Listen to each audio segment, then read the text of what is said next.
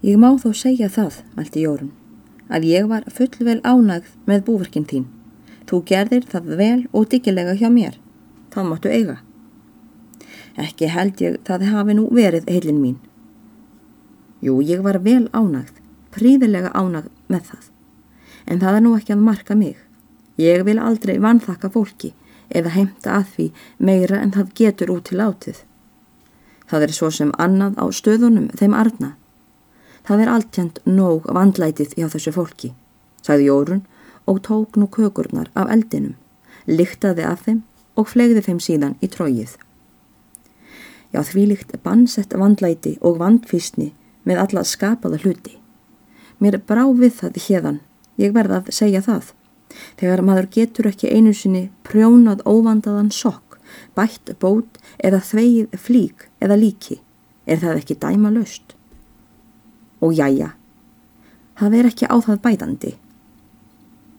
Veistu nokkuð Björg hvert þú ferð eftir leifis, spurði nú Þordís.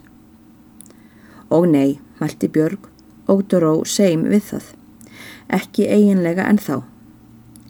Hefur nokkuð komið til tals um það, mælti Rannveig. Lítið lætur nú af því, svaraði Björg dríilega, en síndust þó ekki vilja að flíka því en hinnar urðu því forvitnari og vildu fyrir hvert mun hafa það upp hjá henni. Þá mælti Þordís.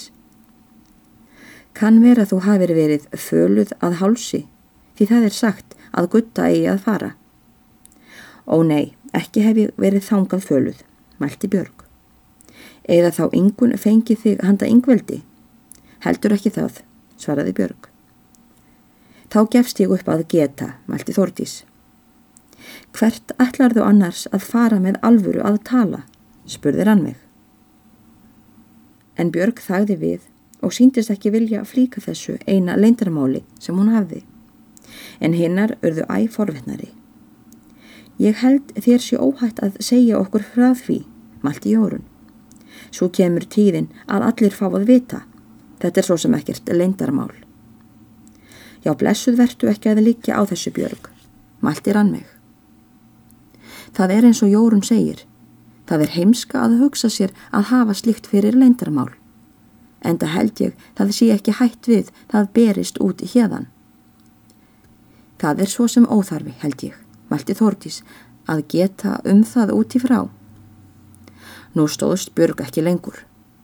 Henni þótti þessi orð svo sannfærandi að hún kerði sig ekki um að halda lengur í leindardómin. Það hefur komið til tals mælti hún, að ég fari að melgerði. Að melgerði, sagði Jórun með undrun. Að melgerði, endur tóku þær Þórtís og Rannveig í einu hljóði. Hefur þau vista þig þar sjálf? Ó nei, þú hefur þá beðið einhvern að gera það. Já, nú skil ég allt, mælti Þórtís. Þú hefur talað um það við Hannes því hann er bróðir ekkunar. Einn mitt, sagði Rannveig. Hannes er milligöngumadurinn. Nú skil ég.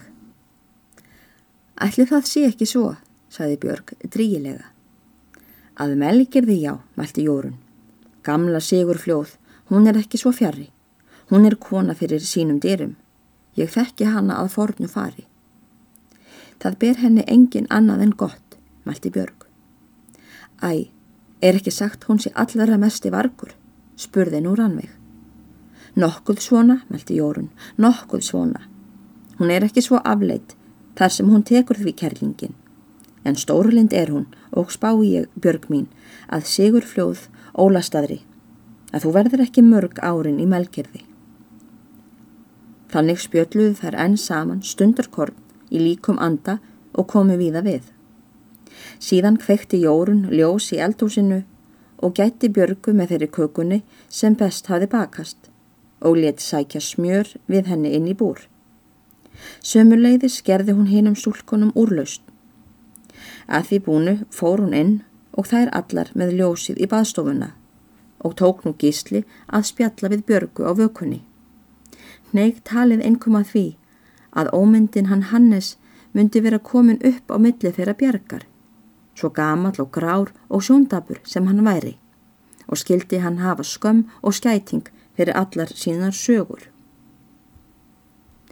Þegar Björg var komin heim úr orlofsferð þessari var mikils vant til að hún væri í glöðu skapi.